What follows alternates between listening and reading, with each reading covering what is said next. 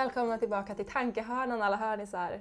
Vi hoppas att ni inte har haft en med dit sen sist. Precis. Och nu sitter vi äntligen här i Stockholm igen, Frida, och vi är eh, mer redo att podda än vi varit på länge. Absolut. Så nu tar vi väl av masken. Och kör igång!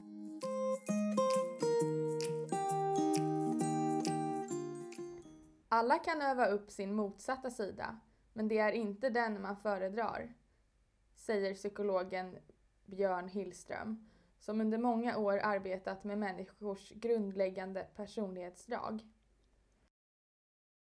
Idag pratar vi om extraversion kontra introversion. Hur pratas det om begreppen och hur förhåller sig folk i allmänhet till detta? Och när vi bestämde oss för att vi skulle prata om extraversion och introversion så trodde vi båda att det skulle gå snabbt. Mm. Eh, men Frida, nu sitter vi här, ja, två månader efter förra poddavsnittet eller något. Oops! Mm, det gick lite tid. Eh, och det gick allt annat än snabbt. Desto, ja, det beror väl på att desto mer vi läste på om, om just de här begreppen, desto mer komplext märkte vi att det hela var. Och vi tycker därför att det är lite klurigt att eh, prata om dem. Eh, och att vi därför, ja det är en anledning till varför vi borde prata om det ännu mer. Ja, precis. Och den vanliga uppfattningen är ju att vi är antingen introverta eller extraverta. Och vi fick allt mer tanken om att det inte kunde vara så enkelt. Och det är lätt att hitta förklaringar som att det med extraverta drag laddar om när det är sociala med andra. Medan det med mer introverta drag gör det i självsamhet, alltså i självvald ensamhet.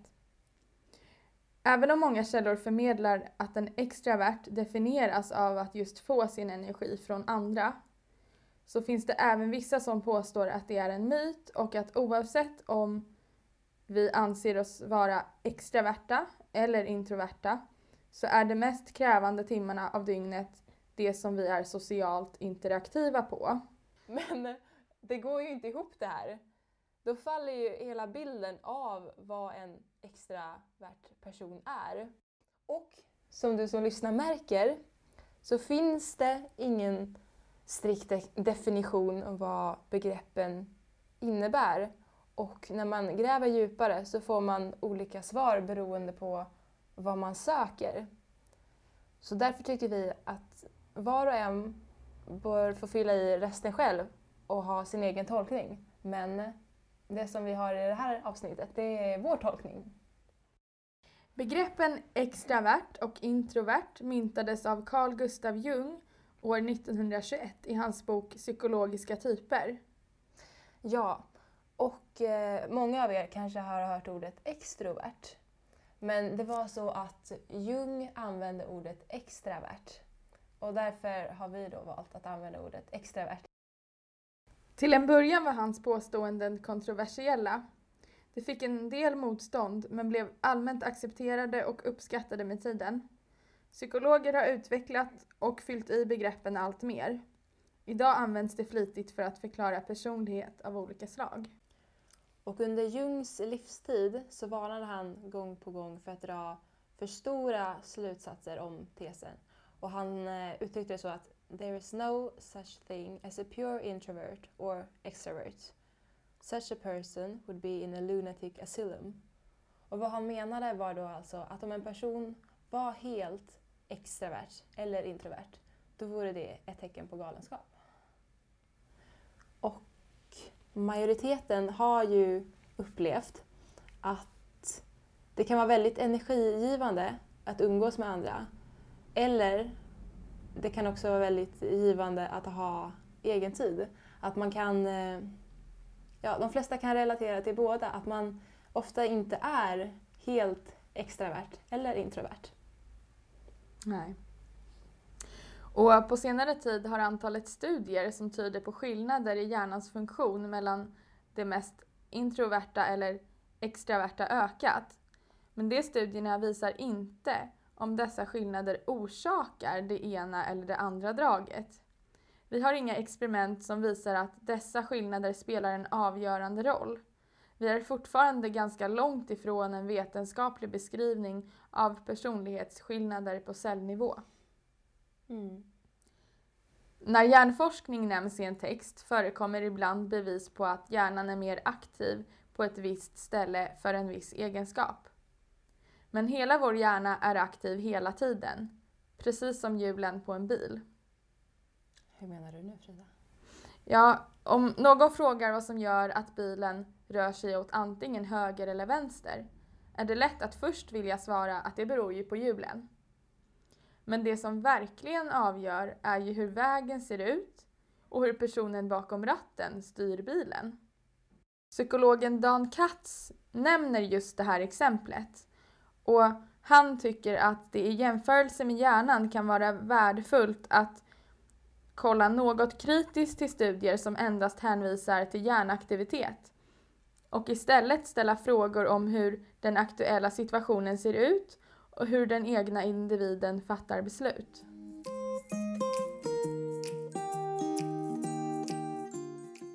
Vi önskar att du som lyssnare är mer uppmärksam på när någon förespråkar antingen den extraverta eller introverta sidan. För det kan nämligen argumenteras om på vissa sätt som vi har märkt. Om vi nu antar oss att jag skulle skriva en bok som förespråkar det introverta, då kommer jag med stor sannolikhet att måla upp motsatsgruppen, alltså det extroverta, som sämre på något sätt. Mm.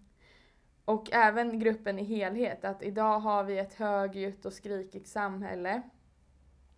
Eh, precis som att jag också målar upp andra betydelsefulla personer som liksom är på min sida då. Som att säga, Mm. visste du att Barack Obama anses vara introvert? Ja, man tror åh Barack Obama är introvert. Ja, men introvert kanske är lite bättre. Det Mm, blir ju lätt att man tänker så då. precis, men där är det lätt att luras. Och även att man lätt klassificerar sig själv efter den sida man tycker är bäst. Ja. Ja, och på tal om att identifiera sig med antingen det ena eller det andra och att placera sig själv i ett fack så um, finns det två begrepp som vi ja, vill ta upp nu. Det ena begreppet är eh, fixed mindset. Och det kan man koppla till extraversion och introversion på det sättet att om man har ett fixed mindset så kan det lätt vara så att man identifierar sig som en av de här. Till exempel att en person säger att jag är introvert.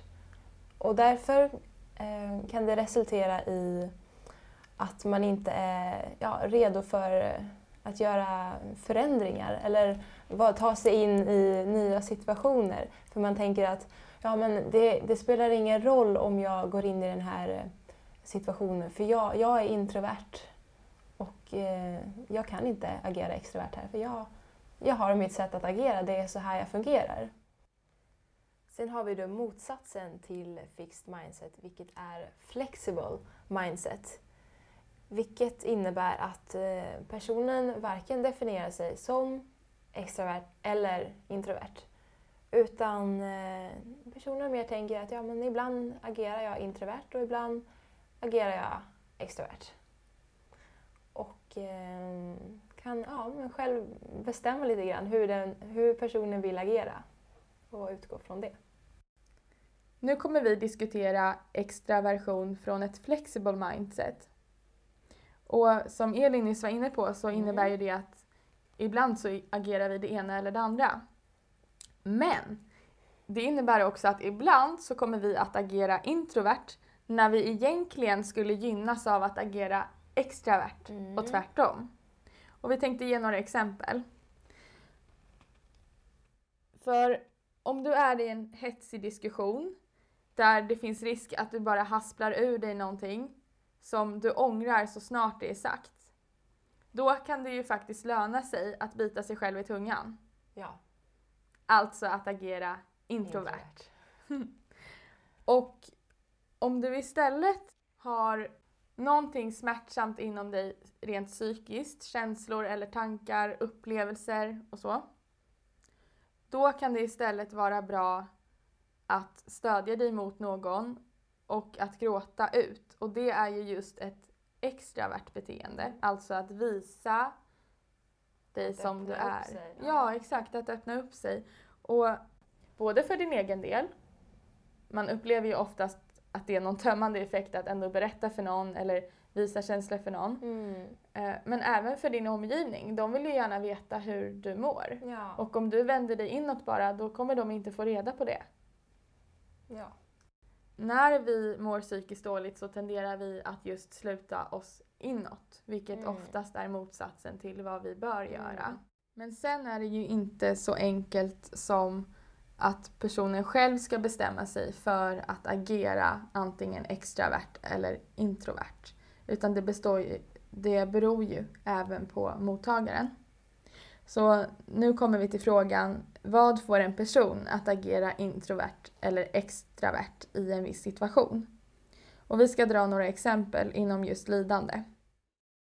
Om vi nu tänker oss att vi har ett killgäng och en av dem blir ledsna och börjar gråta och då får höra kommentarerna Åh, vilken fjant du är, ryck upp dig. Då kommer ju den här killen få lära sig att här gråter man inte och därför inte göra det igen eftersom det inte accepterades förut. Och då finns risk att den vänder sig inåt nästa gång den känner sig ledsen. Mm. Men om man vet att mottagaren stannar kvar när man visar känslor, då kommer kanske den här pojken att agera extravert.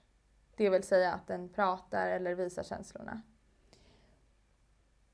Och det sker oftast om mottagaren inte är inriktad på att ge massa råd. Vilket den lätt hamnar i just för att när vi ser någon lida, då lider vi ju ofta med den. Just för att vi bryr oss om den personen. Så det här lidandet som vi ser, det skapar ju obehag hos mottagaren också. Men då gäller det att som mottagare signalera att man kommer stå kvar och man kommer inte ge råd eller tro att man ska fixa den här situationen utan man lyssnar för att förstå. Ja. Så i debatter när det ofta går in på att till exempel killar behöver prata om känslor så kan jag tycka att det till stor del dominerar debatten. Att det är då den som själv bär på problemen, alltså killarna, att de själva behöver agera aktivt genom att just prata. Och Mm. jag tycker lätt att man ibland kan glömma de här mottagarna. Att hur får vi dem att prata?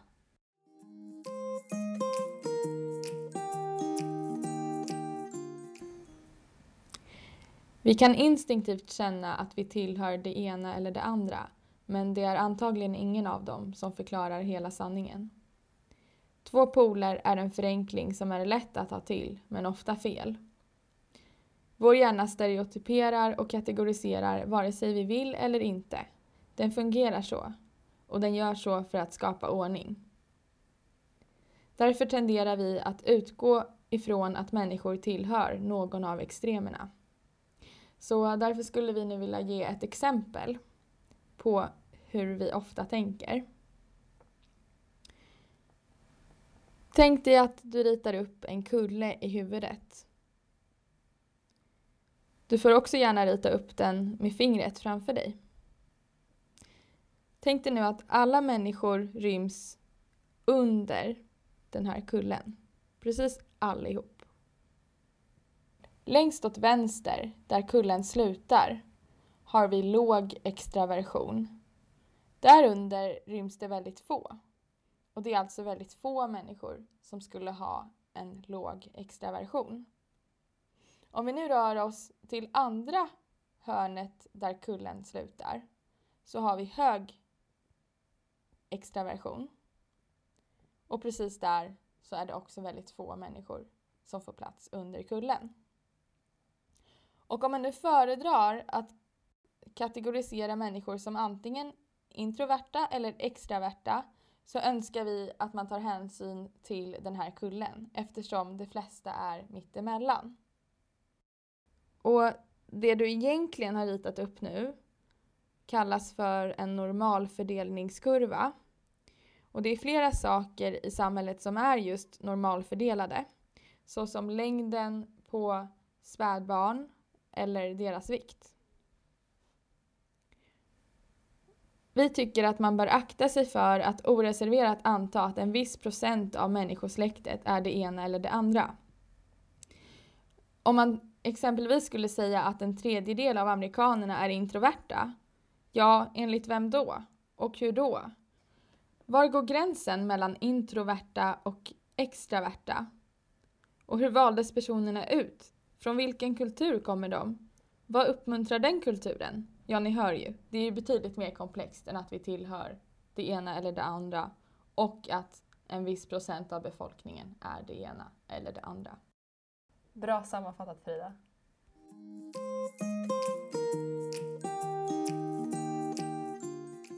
Jag upplever det som att för att vara intressant i dagens samhälle så krävs det nästan att man ska vara mer utåtriktad och agera extravert. För att det, det upplevs enklare att hantera en person när man vet vad som försiggår i dens huvud till skillnad mot en mer eh, inåtvänd person där det kan vara svårt att tyda vad den tänker. Jag tycker även det är viktigt att skilja på begreppen introversion kontra blyghet och tysthet. Att det behöver inte finnas en direkt koppling mellan till exempel introversion och blyghet. En blyg person vill ofta säga någonting men vågar inte för att den är obekväm i, i sammanhanget. Medan en introvert person kan sitta tyst och vara 100% bekväm med det. Inte känna något behov av att prata och tänka att ja, men jag har ingenting, att, ingen, ja, ingenting viktigt att tillägga. Så varför ska jag då säga något? När jag har pluggat så hade jag till exempel en person i min klass som var väldigt eh, tystlåten av sig. Men jag upplevde samtidigt att den här personen var väldigt självsäker och att det fanns, det fanns ingen blyghet direkt. Men att eh, det var så att om den här personen då ville, ville säga någonting så var det, det kändes som det var så väl valda ord. Och när personen då öppnade munnen så var det lite som att alla lyssnade och verkligen tog in vad, vad som sades. Det, det var lite effektfullt. Just det här med att man ibland kan försöka dra ur introversionen ur någon. Mm. När den är i det läget kan ju upplevas som väldigt obekvämt. Ja. För då sätter det ljuset mot någon som inte vill ha ljus mot sig just Precis. då. Då kan man tänka att, man är, att det är något fel på en. Att, de, att det är någon som försöker ändra på en. Att det, det är inte okej att sitta tyst, kan det upplevas som. Precis. Ja, och hen som du studerade med var antagligen inte rädd för den tystnaden som uppstår när man faktiskt är själv. För då kan man lätt höra sig själv tänka och, och känna, eller hur? Mm. Men om man tillämpar extravert beteende i stort sett jämt så kan det vara just den tystnaden som man inte vill uppleva. Och därför har man alltid sällskap av någon annan. Mm.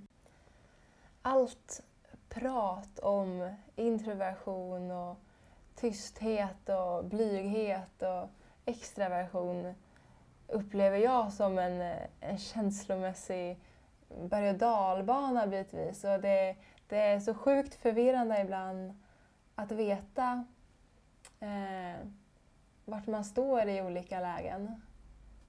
Och jag tänkte ta ett exempel från mitt liv. Eh, situation eller situationer som jag har varit med om när jag var liten där jag upplevde att kanske introversion inte var så uppmuntrat alltid. Ett exempel är att när jag var på ja, låg och mellanstadiet framför allt och satt på utvecklingssamtal så brukade min lärare säga till mig att, eller uppmuntra till att jag skulle räcka upp handen oftare, att eh, prata mer i, ja, när vi satt i, i grupper i skolan. Och det upplevde jag som, Eh, i efterhand så har jag tänkt på det att det var ju som att min eh, inåtvändhet då, eller min tystlåtenhet, kanske min introversion, inte var riktigt uppskattad. Utan att mm, skulle åt det här, skulle vara som, eh, som normen, att man skulle vara extravert, mer extravert. Och sen samtidigt när jag gick i låg och mellanstadiet då, så eh, var jag heller inte så intresserad av att vara med på gympan. Eh, jag upplevde det som, ja men gympan i skolan är en väldigt, eh, en del situation där man ska ta för sig, det kanske är bollspel, man ska, man ska ropa passa mig, man ska ta bollen från någon annan, man ska göra mål, man ska stå i centrum. Och jag kände mig så himla obekväm i den situationen. Och jag, det var så onaturligt för mig att springa fram och, och ta bollen från någon annan. Det, det, kändes, det kändes inte som jag. Men jag fick ju även ja, men lite uppmuntran där att Elin kan du inte försöka vara med på gympan? Och jag var med på gympan när det var jag hinderbana. Mm. Då var jag med. Men just bollsporter hade jag väldigt svårt för. Eh, ja, men jag var med ibland men ja, det blev ändå accepterat till slut. Det blev en grej att ja, men Elin är inte med på gympan. Ehm, men sen bestämde jag mig när jag började ny skola, sen när jag började sexan, att nej, nu ska jag vara med på gympan. Nu, ja, nej, nu ska jag med på gympan, ingen större grej med det, nu börjar jag om här. Och jag tror dels det kan vara ett resultat av att um, av att de kanske pushade lite grann när jag var mindre. Men även att eh, jag ville, jag ville vara som, som de andra och vara med på gympan. Um, och sen var det ju kul när jag var med på gympan, när jag vågade. Så att det visade att eh, ja, även om jag var obekväm i situationer så har det ändå resulterat i att jag har känt mig modigare när jag väl har genomfört någonting till exempel räckt upp handen eller då varit med på gympan. Eh, och jag känner att ibland, ja, ibland så misslyckas ju man med det man gör. Men ändå att, att jag vågade, att man provar gör så himla mycket och det är inte så farligt att misslyckas. Och jag kan fortfarande se på mig själv som eh, blyg eller introvert fortfarande. Men när jag ser hur mycket jag har utvecklats sen dess så blir jag så stolt över mig själv. Och jag kommer nog aldrig heller bli den som agerar extravert i mestadels av tiden. Jag har mina extraverta stunder och de har gjort mig modigare. Och jag vill ja, jag är på något sätt tacksam för att mina lärare fick mig att testa gränserna och, och räcka upp handen, även då jag tyckte det var skitläskigt. Och vi må leva i ett extravert samhälle och må det ibland suga, suga så jävla hårt. Men att växa in i eh, rollen som mer, att agera mer extravert har gjort mig tryggare i mig själv. Ja, och som sagt, jag känner att jag har blivit lyckligare när jag har lärt mig att ta mera plats.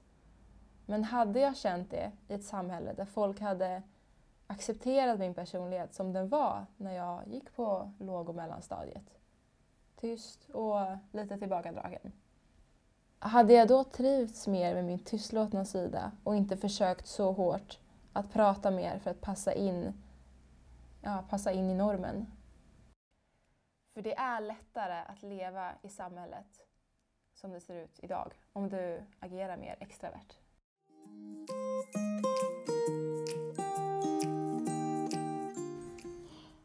Om en individ har antingen introversionen eller extraversionen som en dominerande sida så är det ju inget problem om personen själv inte ser det som ett problem.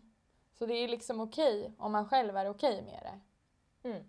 Men det är ju ändå så att det finns vissa i vår omgivning som kan få oss att gå på tårna och så finns det motsatsen, de som verkligen får oss att säga exakt så vi tänker. Och sen finns det de som vi är rädda att bli påhoppade av. Och de som eh, vi inte riktigt vet hur vi ska formulera oss kring. Men jag tycker att det ibland läggs lite väl mycket fokus på varför vi agerar som vi gör i de här fallen. Så jag tror att det vore intressant att förhålla sig till de här frågorna. I vilka sammanhang blir jag introvert? Finns det vissa personer som jag blir mer introvert kring?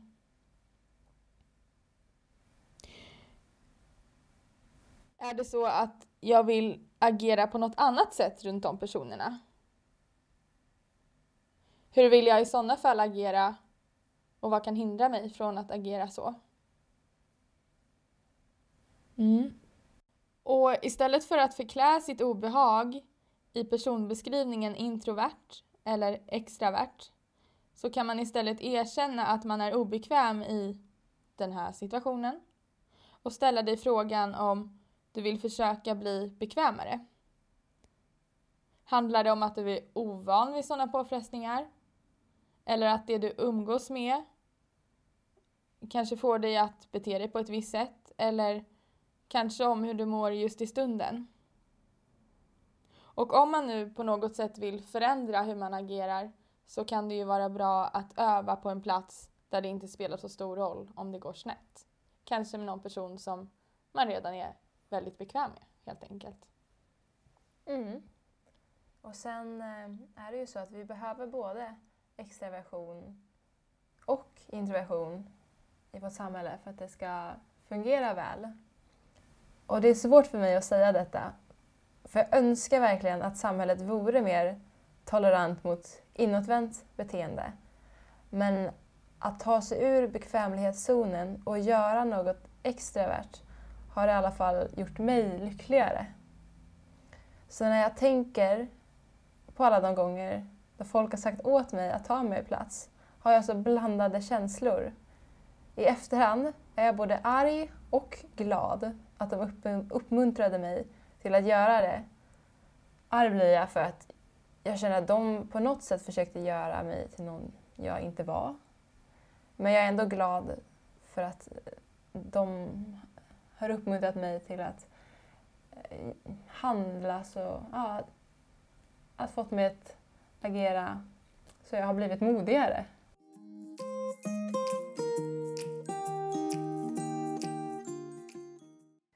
Vi hoppas att det här avsnittet fick dig att tänka till. Mm. Och vi vill också förtydliga att vi inte är emot orden, men vi kritiserar hur det pratas om dem. I början av podden så berättar vi om att eh, psykologen Jung införde begreppen extravert och introvert.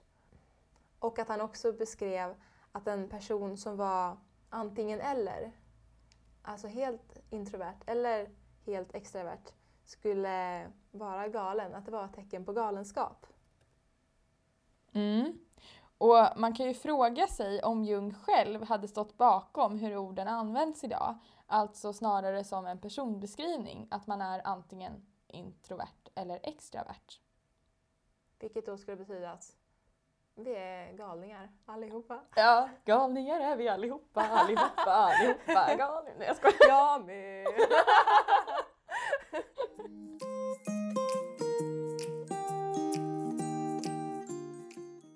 Följ oss gärna på Instagram under namnet Tankehonan och mejla oss gärna på tankehonan.hotmail.com. Det vore väldigt roligt för att än så länge vet vi inte vilka ni är. Och efter förra avsnittet om dating och alla de typerna av berättelser så var det faktiskt väldigt läskigt att inte veta vilka som skulle höra det här. Inte för att kanske alla avslöjar vilka de är som lyssnar. Man kanske vill lyssna lite som anonym också. Men Ja. mejla gärna. Precis, avslöja er tack. Ja. Ha det!